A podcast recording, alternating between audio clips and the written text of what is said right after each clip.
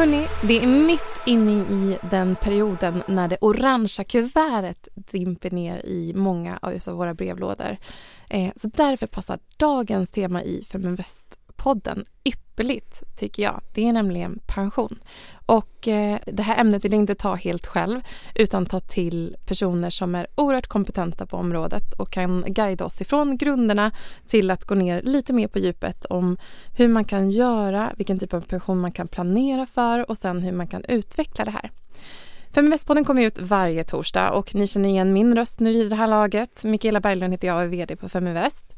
Den här veckan så har vi tagit oss till otroligt vackra lokaler eh, i Solna i Stockholm och eh, här ligger inte det första kontoret till den bank som vi besöker utan den här banken grundades som Stockholms enskilda bank år 1856 och det har hänt en hel del sedan dess. Bland annat den här fantastiska byggnaden som jag beundrade. Jag fick höra att den var eh, byggd eller designad av Gert Wingård, en favoritarkitekt som jag, som jag har följt genom åren. Eh, och jag sitter tillsammans med två eh, personer som kommer bidra med jättemycket kompetens eh, från SEB. Vi har först och främst Kristin Geiroth som är investment och relationship manager på SEB. Vad innebär det för någonting? Jo, men eh, först och främst hej Mikaela och så kul att vi får, eh, får vara här. Ehm, jag är ju då på svenska lite mer investerings, eh, en kommersiell investeringsspecialist på SEBs fondbolag. Så jag jobbar väldigt mycket med, med SEBs fondprodukter, pratar ganska mycket marknadssyn och eh, jobbar mycket mot kanalerna och mot kund just för att informera mycket kring de eh, fonder och olika sätt det finns att investera på eh, i, i då olika, till olika behov och sådär. Så, eh, så en ganska bred roll. Jag, jag har jobbat med fondförvaltning eh, ungefär ja, fem, sex år innan det. Så eh, har en ganska bred bakgrund inom fondförvaltning och investeringar. Eh, så nu gör jag då bland annat den här, en podd med Americo som också är här som du ska presentera som heter Pengarna och livet. Där vi pratar väldigt mycket då sparande och investeringar som, som är väldigt intressant och spännande. Mm. Och den här podden, Pengarna och livet, var hittar man den någonstans? Ja, men den finns väl där, där alla poddar finns. Eh, den introduceras på SFBs hemsida.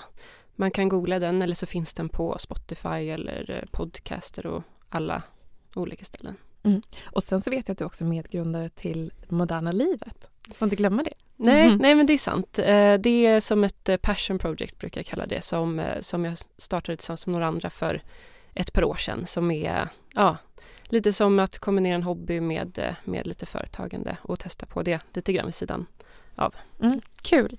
Eh, och sen så har vi även med oss eh, Americo Fernandez och du jobbar ju mot eh, företagen eh, i banken och har en jättespännande bakgrund där du bland annat varit med och styrt eh, de finanspolitiska besluten eh, på Finansdepartementet. Hur kom du till eh, SEB?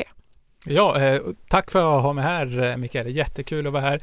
Ja, om jag börjar med det första. Jag jobbar ju då som företagarekonom på SEB, det vill säga en talespersons roll där man ska försöka analysera omvärlden, vad som händer i ekonomin och politiken och hur det kan tänkas påverka små och medelstora företag i Sverige. Så det är en väldigt rolig roll. Men jag har en lång bakgrund i privatekonomiska frågor. Det är lite därför jag kom in i podden tillsammans med Kristin och du nämnde min, min historik där på Finansdepartementet. Eh, tacksam för introduktionen där eller för eh, presentationen. Jag måste vara lite mer ödmjuk. Jag presenterade bara förslag då till finansministern. Det är alltid politikerna som tar besluten, men det var ju en, en absolut väldigt eh, roliga år. Jag gjorde nästan tre år där under den förra mandatperioden där man analyserade liksom allt man ska göra och så försöka koka ner det till konkreta rekommendationer till finansministern. Så det var väldigt lärorikt. Mm. Det kan jag tänka mig. Superspännande och man får liksom det breda perspektivet passar perfekt i den nuvarande rollen. Också. Absolut. Mm. Eh, vad gjorde att du eh, tänkte det här vill jag jobba med, med liksom investeringar och eh, ja, för en bank som SEB? Ja, ja, men jag har väl alltid varit väldigt intresserad av just, just, eh, just eh, aktier och, och fondförvaltning och det började ganska tidigt i, eh, i studierna faktiskt. Jag var ganska inriktad på att ta mig den vägen så jag pluggade ekonomi tidigt, gjorde, eh, pluggade finans och mm, nationalekonomi på universitetet och sen så började jag extrajobba på SCB under då mitt sista masterår och skrev min uppsats där. Och sen har jag väl varit ganska fokuserad. Jag tycker det är jätte, ett jättespännande område. Det, det, jag har väl alltid tänkt rätt mycket på pengar. Tycker om när de växer och, och, och jobbar åt en. Um, så mycket det och sen så har ju SCB, jag har ju varit här ganska länge nu, men det är en jättebra plats för att just kunna testa olika roller och, och de har ju en otrolig entreprenörskap och mycket olika områden inom industrin. Jag har ju faktiskt jobbat på, på SCBs pensionsbolag också eh, tillsammans med Mirko nästan tror jag, för mm. massor med år sedan.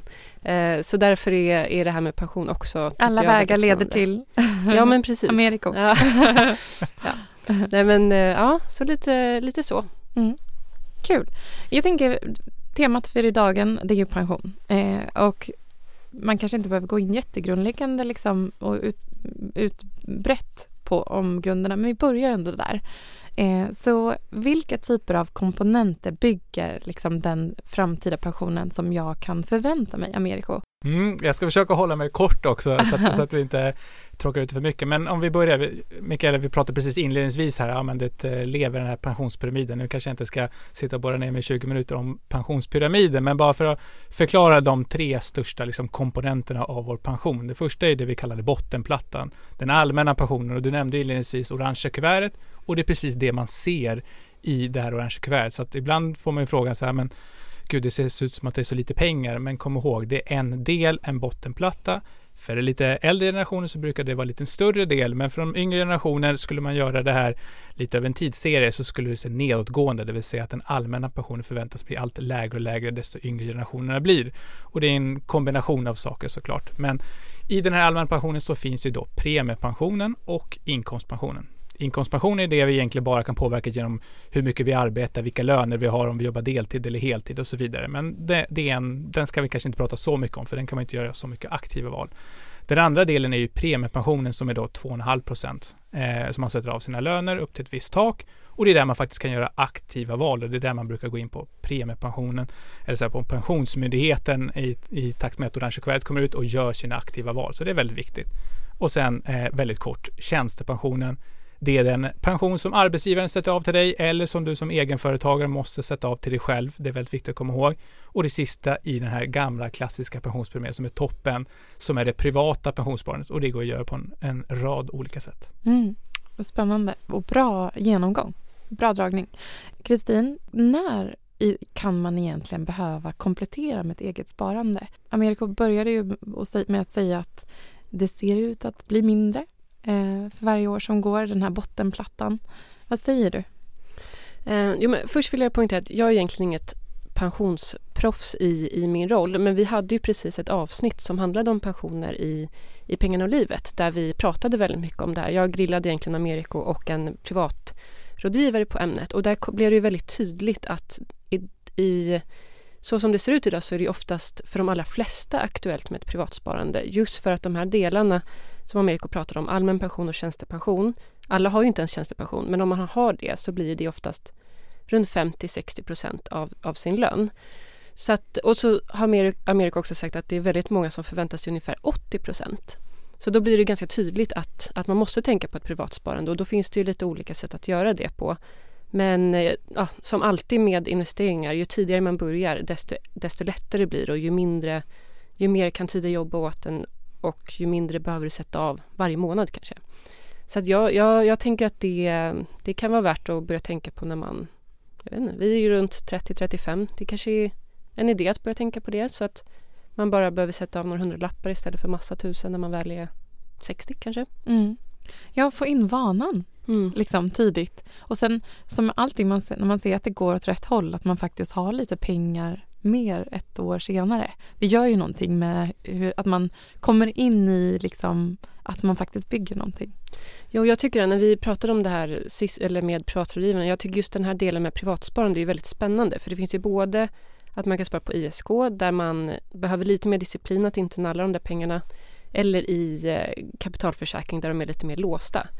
Och då tänker jag att man ska göra de här prognoserna och se till liksom, ja, men har jag verkligen minimum som jag vill ha? Och sen så kanske man kan komplettera det på, på andra sätt så att man kan nå de där extra milen om man kanske vill resa mycket eller köpa någonting utomlands eller vad man nu vill göra. Mm. Men hur mycket ska man sätta av då? Det, det, där är en, en, en evig fråga och det är såklart högst individuellt. Liksom. Men, bara egentligen jacka i det Kristin säger att det bästa sättet att få reda på liksom hur mycket du, eh, Mikael eller jag, Americo eller Kristin behöver sätta av till pension. Det är ju faktiskt gå in på minpension.se, göra en pensionsprognos för då tar man då tar man liksom, eh, man beaktar ditt arbetsmönster, om du jobbar deltid eller heltid, eh, din tjänstepension som du kanske haft olika arbetsgivare, så skickas allt det där in dit så att du får en heltäckande bild. Och så gör du en prognos såklart och då får du fundera på att okej, okay, vad vill jag ha i relation till min slutlön eh, på slutet? Och då får man försöka räkna baklänges. Så det där har vi gjort några gånger och det går ju, det är lite minerad mark, så jag vet inte riktigt om jag vågar gå in där, för det finns alltid några antaganden som man inte tar med av olika anledningar, men det är alltid en, en storm av frågor varför man inte tog med det. Så jag skulle säga det är högst eh, Högst individuellt. Man kan alltid prata tumregler om man ska prata 10% i någon form av sparkvot över ett arbetsliv. Sen kanske man kan säga 5% i pensionshänseende. Men det där går i helt i perioder skulle jag säga. Mm, exakt, man får anpassa sig efter livet. Ehm, jag har ju varit föräldraledig själv och jag vet, ju att det, på, det påverkar oerhört mycket mer än vad man tänker. Eh, den slutgiltiga pensionen. Ehm, jag skulle vilja eh, vända mig till dig Kristin igen ehm, och eh, fråga hur, hur tänker du liksom runt föräldraledighet eller kanske deltidsarbete om, man, eh, om någon av parterna går ner lite i tid? Hur ska man tänka där och hur det påverkar pensionen? Ja, men jag har kanske inte en sån här jättedetaljerad prognos men jag vet ju att, att, att det här är väldigt viktigt. Det finns en deltidssnurra på SCB där man kan eh, titta och, och lägga in sina olika antaganden och se hur mycket det påverkar. Men det, det jag har tänkt bara från början är så här, jag är liksom stenhård på att försöka ha det jämställt hemma och att man tar delar på vabben och sådär. Och sen så vet jag ju att om man inte delar på vabben och om någon jobbar mer så kan man ju kompensera för det på olika sätt. Antingen om man för över premiepensionen eller om man gör ett privatsparande till den som, som tar mer ansvar hemma. Mm. Så jag tycker det där är så himla viktigt för att man pratar ju också ofta om att det är de skilda och änkorna som är ganska drabbade i just ekonomi i sin helhet men också väldigt mycket att bli fattiga pensionärer. Och det är ju jätte, det är ju väldigt allvarligt så att om man, om man kan så ta verkligen tag i det tidigt. Kan man göra på något sätt, för det, det ligger ju mycket i det, eh, skilda eller, eller änkor eller så. Vad kan man påverka eh, i och skydda sig mot så att säga, om det värsta skulle hända? Att man går skilda vägar eller? Ja, det första, framförallt om man, om man pratar ett privat sparande, det är att om man är gift, liksom gör det till enskild egendom så att de där pengarna inte liksom delas vid en eventuell skilsmässa. Är man sambo och sånt där, då är det väldigt viktigt att man kompenserar i den personens namn så att man inte sparar på det gemensamma sparkontot, för det är det gemensamma sparmedlet och då delar man det om man skulle gå och skilja världar. Men jag vill bara poängtera, nu är inte jag en förälder liksom, men jag tänker apropå den här föräldraledigheten och sånt där, vi ser ju framförallt vilken effekt det har på alltså vilka följdkonsekvenser det har. Vi ser i statistiken på Försäkringskassan exempelvis att sju av tio av alla föräldrapenningsdagar tas ut av kvinnor. Det resulterar senare då att sex av tio av alla vabbdagar tas ut av kvinnor också. Och sen till slut så vet vi att liksom kvinnor har två eller tre gånger mer deltidsarbete än män. Så det är liksom en, ett, liksom en stege av konsekvenser. Så därför är det väldigt viktigt att oftast så uppstår den stora ojämställdheten på det privatekonomiska perspektivet när man väl blir förälder. Så jag skulle verkligen rekommendera att ta en, en diskussion innan man kommer till den fasen med sin partner. Mm. Det, det, är absolut det viktigaste. Mm. Eh, nej men, precis som du var inne på där, det, och alla de där delarna har ju även effekt på din löneutveckling. Och den, löneutvecklingen har ju jättestor påverkan på den allmänna pensionen, på hur mycket du får i pension. Så att alla de där stegen, det är otroligt att det verkligen är så mycket, men Ja. Och jag vet ju också när jag fick mitt första barn, då ville jag ta ganska mycket av föräldraledigheten. Jag var sådär, ja men jag vill vara hemma ett år och min sambo tror jag tog tre, fyra månader och han fick så klappa axeln. Gud vad bra att du tog så många månader. Så det blev jag ganska provocerad på. Så att nästa barn så var jag så här, nej nu ska du ta mer än vad jag gör. Ja, vad kul. Men, ja. men, men det, det blir väl, så. ja, så det, jag kan tänka mig att det blir lite av en kamp ibland. Inte kanske kamp mot sin partner men mer mot samhällets förväntningar eller ens egna förväntningar så får man väl om man nu väljer att, att ta mer mammaledighet eller ja, vara hemma mer, då får man göra det som ett aktivt val och liksom kompensera för det, verkligen. Mm. Mm. En, en, liten bifråga. Startade du företag när du var föräldraledig? Mm, ja, jo, men faktiskt. Eh, med mitt andra barn så gjorde jag det. Eh, så då hade jag så här någon konstig extra energi när jag bara ville göra något extra. Lite kreativt. För Ja. det har jag hört också. Eh, Du har ju tagit fram så mycket bra statistik, Ameriko. Också att de flesta kvinnor startar faktiskt bolag när, när man är föräldraledig. Så Mm. jag gjorde också det. Ja, Så ja. eh, det är lite kul, kuriosa. Mm. Eh, men om vi då ska spåna vidare på det här med jämställda pensioner. Eh, kan man göra någonting ytterligare? Liksom? Det, man, om man, med medvetenheten om att så här, min lön kanske stannar upp i hög utsträckning när jag bör, är föräldraledig och kanske vill jobba deltid och så vidare. Men vad kan man göra, Ameriko? Ja, nej men så att det enklaste svaret är ju att försöka åtgärda saker på arbetsmarknaden, för det är där saker är det mest problematiska. Vi ser ju att idag när vi pratar om löneskillnader mellan, mellan kvinnor och män så brukar man prata om att de ligger någonstans runt 10-12 procent och sen tar man bort för olika typer av utbildningsbakgrund och sånt där så brukar man landa i någon, ungefär 4-5 procent som inte riktigt går att förklara av de här kända faktorerna. Och det är en sak, det är ett stort problem för det för ju med sig konsekvenser. Men sen, precis som alla de här eh, snedvridna arbetsmössorna vi pratar om, föräldraledighet, deltid, då blir det här gapet ännu större. Och sen naturligtvis vid pension så blir det ännu större. Det är därför vi ser närmare 30 procent i skillnad mellan kvinnor och mäns pensioner. Vad kan man då göra då? Ja, det första är ju såklart om det är för sent att åtgärda allt det där, men ta med sig det i mindset. Ja, men det är kanske bättre att vi att båda går ner på 90 procent i deltid för att vi ska kunna få ihop det snarare att en person går ner i 80 procent under en väldigt lång period för det har konsekvenser. Men framförallt tycker jag att försöka diskutera det här, alltså våga sabotera middagar, parmiddagar. Det har jag gjort några gånger när vi har vänner. Älskling! Nej, men jag, jag tycker det och eh, jag tycker det är viktigt, i alla fall från, från mitt perspektiv då, som, som man, att våga ta den där diskussionen för att ibland är vi väldigt stolta, i min generation, 80-talisten, att vi kommer det förändra saker och ting och vi är i min mening väldigt mycket snack och liten verkstad. Så jag tycker definitivt man borde ta upp den diskussionen och våga räkna på det. Nu Mm. har inte jag föräldrar, barn så det är perfekt för mig att säga det här. Ja, exakt. Nej, men jag tänker på det, det är inte någonting som vi har pratat så jättemycket om som just är öronmärkt pension. Men eh, till exempel ens bostad är också ganska viktigt att se över hur, hur fördelningen ser ut där. För jag tänker också att det är också en så här klassisk fälla lite grann att mannen kanske då tjänar mer, betalar mer av huset. Det blir mer, mer hans eh, på något vis och då kanske det blir så. Nu är jag varken gift eller, eller skild men att man vid skilsmässan att det mer blir, blir hans pengar. Och det tänker jag också kan vara en ganska stor, stor fälla om eh, ja, om man skulle gå skilda vägar. Så det, jag tror att, jag har inget svar på den frågan, men jag tror man verkligen ska tänka på den, den faktorn och det går ju att lösa så att man kan ja, kanske ta lån av varandra eller dela på det på något sätt. Mm. Man kan ju ta för någon form av försäkring också som skydd. Vad, vad tänker du om, om det alternativet? Oj, vad, vad tänker du då på försäkring? Tjänste, eh, både tjänstepension och premiepensionen kan du ja om du är gift. Mm. Ja, du tänker alltså typ efterlevandeskydd och sånt där? Eller? Precis. Ja, det där är ju alltid alternativ. Det där är, nu kan inte jag ge konkreta råd sånt där, men det där är absolut någonting som man skulle säga, det är mer, tänker jag, oftast ifrån man kanske, vi vet att kvinnor oftast lever med äldre män och då är ju hela den biten att de kommer förmodligen dö lite tidigare och därför kan sån, en sån diskussion uppstå ibland. Men där ska man också komma ihåg att sånt där tar ju också av sparkapitalet. Så det har ju både sina för och nackdelar, det beror på hur mycket man värderar den där risken. Men ja, det är, det är några alternativ som finns dels i tjänstepensionslösningar men också i, i olika typer av eh, privat pensionssparande. Mm. Men mot bakgrund av det här resonemanget om så här, kvinnor högre eh, deltidsarbete, eh, lite lägre löner, eh, högre föräldraledighet och så vidare, lite lägre löneutveckling. Eh, den här änkepensionen som man kunde få för, fram till slutet av 80-talet, eh, tog man bort den för tidigt? Nej, det, det, det, tror jag inte. Jag tror att liksom, det där är ju lite den gamla myten. Nu pratade vi ju liksom att det var precis som du säger Mikael, förr i tiden så var ju de de stora pensionsförlorarna men nu har vi ett helt annat förvärvsmönster liksom, mönster bland kvinnor. Liksom, jättehögt sysselsättningsdeltagande. Mer kvinnor pluggar på universitetet i Sverige än vad det är män, eh, vilket kanske gör det till och med ännu mer provocerande att vi har lägre löner i snitt för, för kvinnor.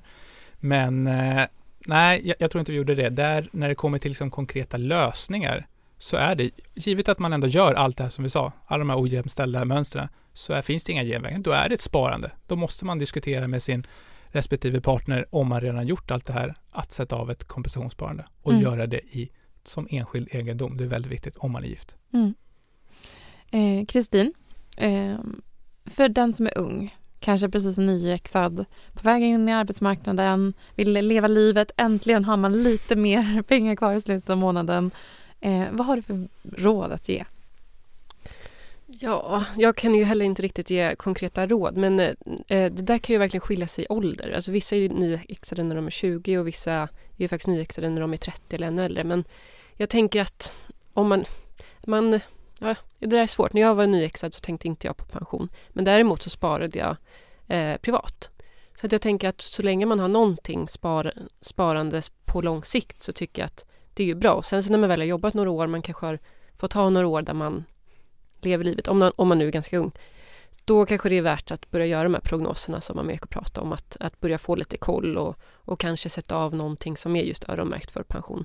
Så att det inte eh, ja, blir för jobbigt när man blir äldre. Men jag tänker ändå att det kan vara värt att se över det, men inte ha så, man behöver kanske inte ha jättemycket ångest när man är 20 eller 25.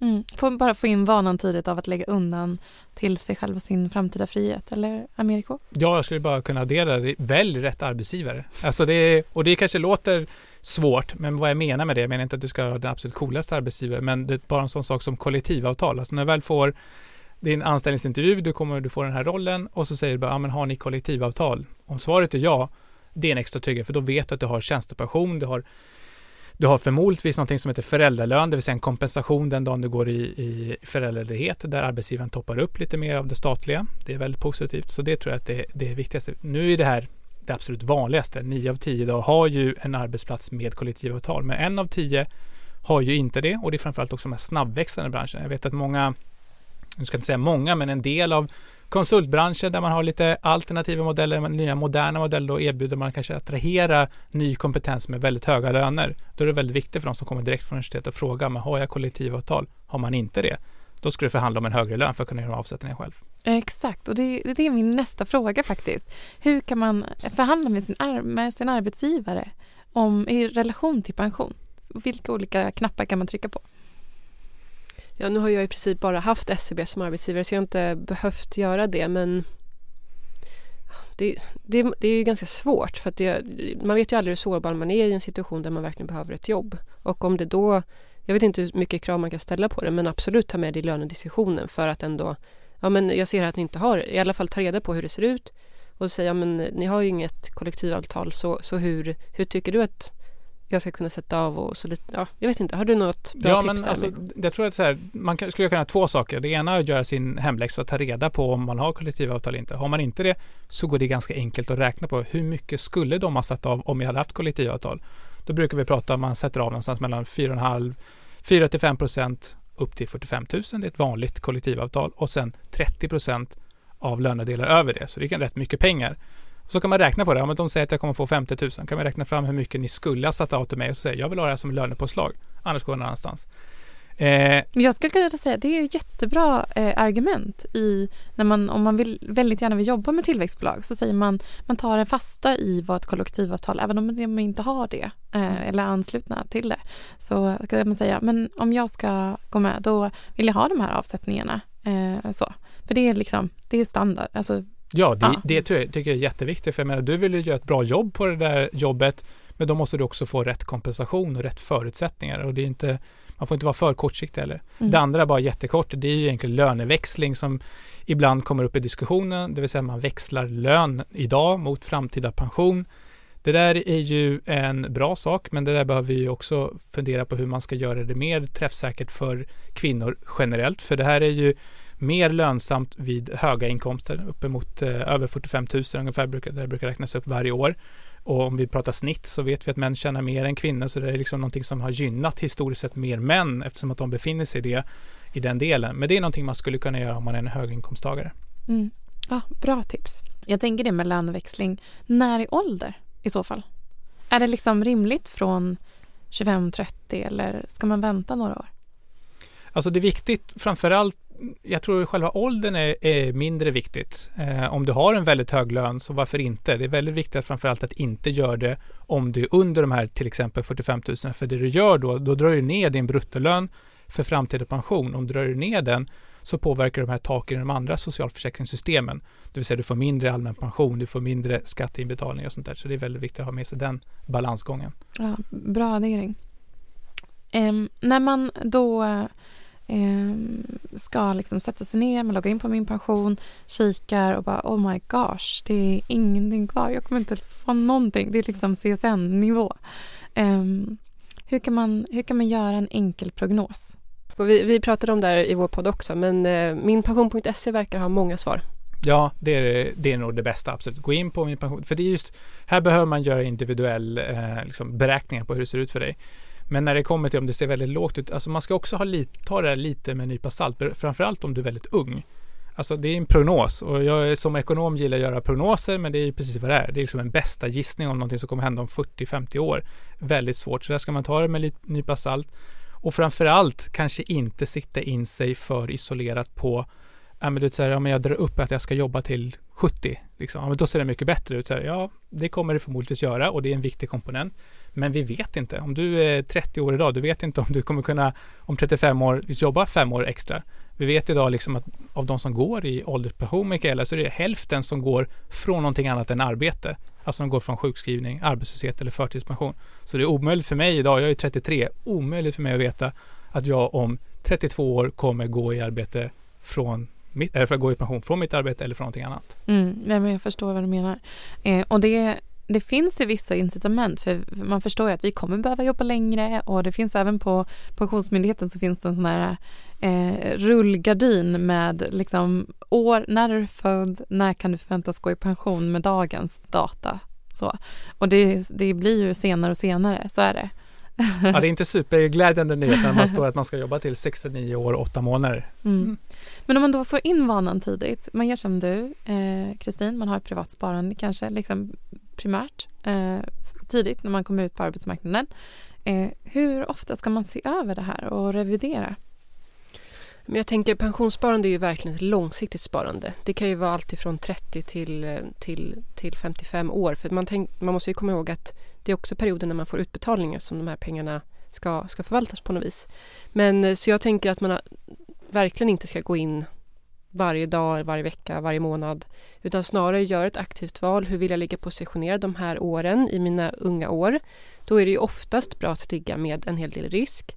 Och ett, något man verkligen ska försöka att inte göra det är att eh, bli för rädd när det, när, det, när det kraschar och sälja av. För att då, de är oftast stora förlorare på den här eh, ja, på den här privatsparande om man sparar då i börsen eller aktier som du säkert vet jättemycket om, eh, Mikaela. Men jag tänker ändå så här, tänka på lång sikt, eh, inte låta sig styras för mycket emotionellt, särskilt om det är på lång sikt. Utan hålla sig till liksom, vad är min vision med, de här, med det här sparandet?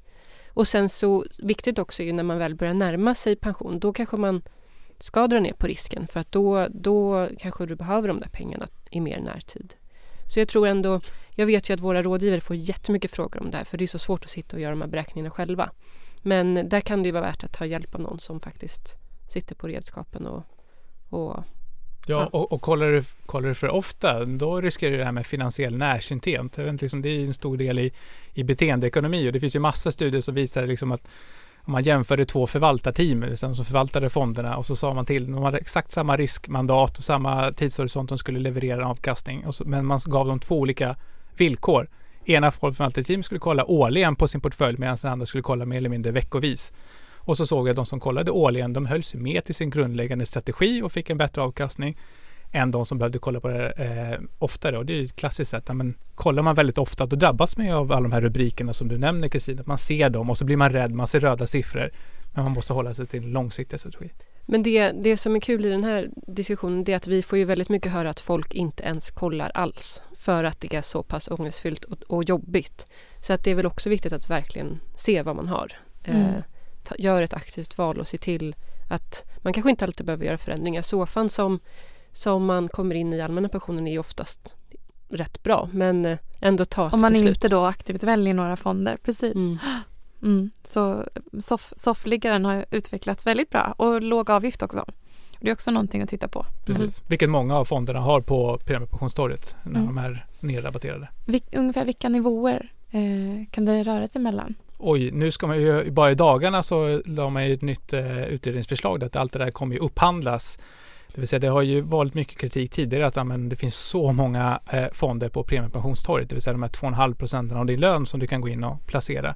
Nu ska man ju drastiskt dra ner dem i antal och de kommer vara kraftigt rabatterade. Så jag vågar inte säga exakt vad det ligger på men det är väldigt, väldigt billigt. Mm. Hur många kan man välja? Hur många? Jag tror att du kan välja ganska många fonder själv. Jag vet inte exakt antalet men jag tror inte det finns någon tydlig begränsning. Mm. Ehm, om man då när, börjar närma sig pensionen, eh, man kanske som du sa, man behöver se över risken, jättebra tips. Eh, men man kanske också känner, vet vad, jag har inte riktigt tillräckligt. Hur ska jag dryga ut min pension? Vad kan man göra där? Då är det väl privatsparande som, som är ja, då kanske man verkligen får, ja men nu ska jag ta några år för att verkligen sätta av pengar till min pension. Sen tänker jag också att en, en annan sida är ju att dra ner sina fasta kostnader.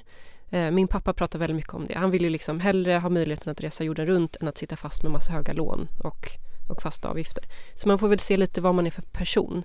För att eh, jag vet ju vissa som betalar av sina, sina bostäder aktivt för att få lägre kostnader. Så jag tänker att det är, det är inte så mycket pensionstips men det är ändå en, en, en del av det för att leva så som man, man vill ja, kanske än mer aktuellt i dessa tider när räntan har lett till att vi är ganska högt belånade på olika plan. Men, men jag håller med, bara med Kristina. Jag menar det, speciellt när man börjar närma sig pensionsålder då är det många i den äldre generationen som fortfarande har den här amorteringskulturen men kanske de har vet, så 30% i belåning eller 20% i belåning. Är det högst på prio att eh, amortera vid det tillfället? Det kanske man ska fundera och eh, spara de pengarna vid sidan av istället. Ja, och jag hade faktiskt en diskussion med en, med en äldre bekant som, eh, som vi då pratade vi om det här och, och, och, den personen var väldigt sådär, tyckte att det var så viktigt att vi pratade om det här för att eh, den personen hade kanske tagit på sig en hel del kreditskulder och, och lån som, som då var ganska tufft när man blir äldre för att då har man inte heller samma möjlighet att verkligen få in en inkomst, kanske jobba hårdare och sådär. Så att, att inte kanske dra på sig onödiga skulder heller under den här perioden som, som kan kosta väldigt mycket. Mm. Man kanske kan skjuta upp pensionen något år också, laborera med vad man, vad man får. Liksom, så. Ja, det är, det, det, är det absolut bästa men också kanske till och med bland det svåraste. Oftast när, man, när jag får frågan ja, men vad ska man göra för att höja pensionen? Det är egentligen två, det är, det är två sätt man kan göra. Det är jobba mer eller det är spara mer. Men eh, det där vet man ju att spara, ibland hittar man alltid något utrymme. Jobba mer, man kan ställa in sig på det, men det är svårt. Jag har själv en en mamma som är undersköterska och jobbat i vården i liksom 40 år och, och säga till henne att det ska hämta, ja men du borde jobba något extra. Det kan ibland bli lite svårt, men att det betyder inte heller att man behöver gå ner från 100 till 0. Man kan alltid jobba deltid under vissa perioder. Det är alltid bra att känna in. Vet du, min mamma är också sjuksköterska. Hon har gått i pension i två år, men hon jobbar två dagar i veckan. Mest för att hon tycker det är kul att få lite extra inkomst. Så det är en väldigt bra, ett väldigt bra yrke att kunna göra det. Jag vet inte om vi skulle kunna bara säga nu vill jag jobba en dag i veckan efter. Jo, kanske. Ja. Mm. Men vi verkar i alla fall gå mot en mer flexibel arbetsmarknad så det kanske öppnar upp för den typen av möjligheter. Och sen också eh, om, eh, ja, om det är många, det, det har inte fö, fötts lika många, nu drar jag väldigt stora växlar här känner jag, men det har inte fötts lika många, man har ju pratat om att eh, Eh, man, den unga generationen får försörja en större del av den äldre. Eh, om vi då är, är, är, inte är lika många, om det fortsätter så, då kanske det finns utrymme för oss att jobba kvar för att säkra, eh, tänker jag. Ja. Eller hur? Ja. Absolut. Mm. Eh, och sen om man tycker det är roligt, vi lever ju längre och mår bättre längre. Liksom. Så det, det kanske gör att man också, som du, som du berättade om din mamma, att man vill hålla sig lite ajour och eh, hitta, ha någonting att göra. I en drömvärld så har jag själv sagt så här, men då ska man ha någon liten konsultlåda. Eller hur? Det hade varit en dröm. Eller så här, och det är väldigt vanligt, ska jag säga. Det är många som blir egenföretagare på liksom ålderns eh, höst, om man vill kalla 65 mm. hösten. Vad skulle ni gjort om ni fick göra precis vad ni ville? Eh, ha något galleri eller jag menar Ja, du menar som pensionär? Eller? Ja, exakt. Uff.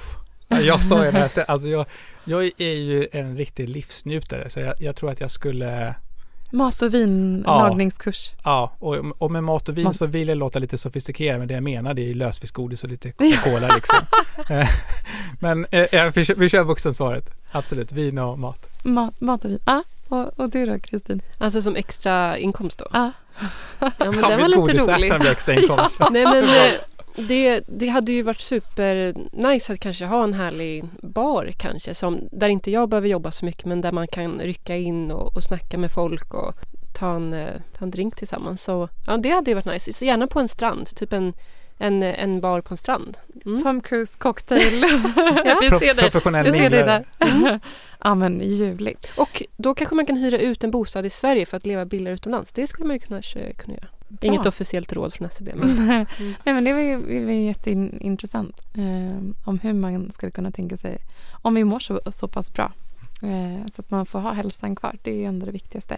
Jag tänker ändå så här så bra att vi pratar om det här ämnet. Nu är jag ju så här nördig själv så det är, man liksom klappar ju sig själv på axeln vilket är lite awkward. Men eh, att börja tänka på det tidigt. Det, ju, det man lägger sin tid på blir man bra på. Man behöver inte bli, vara en expert men man behöver investera lite tid. Eh, så kommer man att känna att man är, eh, blir trygg i vad man har framför sig och hur man kan påverka. Det är, det är faktiskt det viktigaste steget tänker jag med just pensionen, speciellt i och med att den kan kännas långt bort, lite ångestladdad.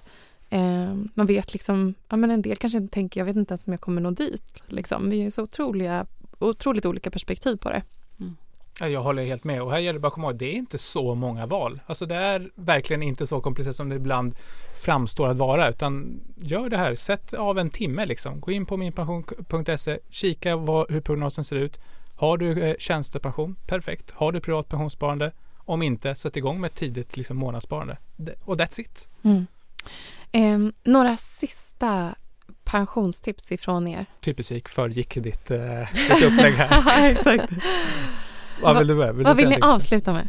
Nej, men jag, jag tänker väldigt, väldigt mycket på det här med tid och investeringsperspektivet. Att, att se till att du får avkastning på dina pengar och när det dippar, bli inte rädd att sälja av. För det är nog en av de största riskerna, eller misstagen man kan göra på, på sitt långsiktiga sparande. Eh, och försöka sänka tröskeln, känna att det är, det är lättare sagt än gjort, men att inte tänka att det är så svårt. Som Amerika sa, det behöver inte vara så svårt. Utan man kan ju till och med se det som lite av en ja, sport kanske. Ja, mm. tävlings, mm. varför inte, med några kompisar. Mm. Nej, jag skulle bara säga det. Välj ett belopp som du känner dig bekväm med. Det här med produkt, ISK eller K-försäkring. Jag tycker absolut inte det är the main issue här liksom. Ta ett belopp du känner dig bekväm med. Sätt dem på en högrisk på börsen i många år och sen kan du eh, släppa det ett tag. Och då pratar vi högriskfond och inte högriskbolag? Nej, eller? vi pratar eh, eh, eh, hög aktieexponering, liksom lång sikt. Mm. Och såklart om du, om du bor tillsammans med någon, se till att det blir, och har barn särskilt, se till att det blir relativt jämställt. Mm. Ja, jättebra tips. Hörrni, eh, stort tack för att ni var med i den här veckans eh, podd. Eh, vi är tillbaka nästa torsdag. Ni kan in och följa oss på Feminvest på sociala medier. Och eh, Michaela Mikaela Berglund heter jag om ni vill hitta mig på My Berglund heter jag på Twitter. Och Kristin Geirot, jag har hittat dig på Twitter och jag har hittat dig också, Ameriko, på Twitter.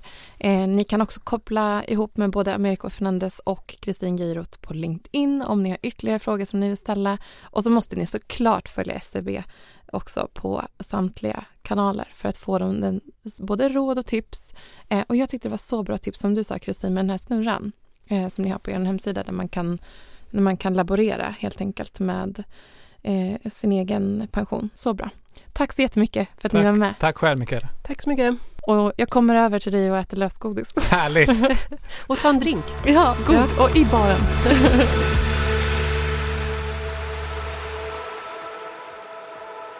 Feminvest är Sveriges största investeringsnätverk för tjejer. Vi vill att allt fler ska våga äga och förvalta. Och hur gör vi då detta? Jo, vi vill inspirera, utbilda och utmana runt ägande, investeringar och entreprenörskap. Följ Feminvest på våra kanaler Facebook, Instagram, Youtube varje vecka så kommer vi även ut med en podd och du kan ju självklart även följa nyheterna som publiceras på feminvest.nu. Det är bara att söka på Feminvest på samtliga kanaler så hittar du till oss.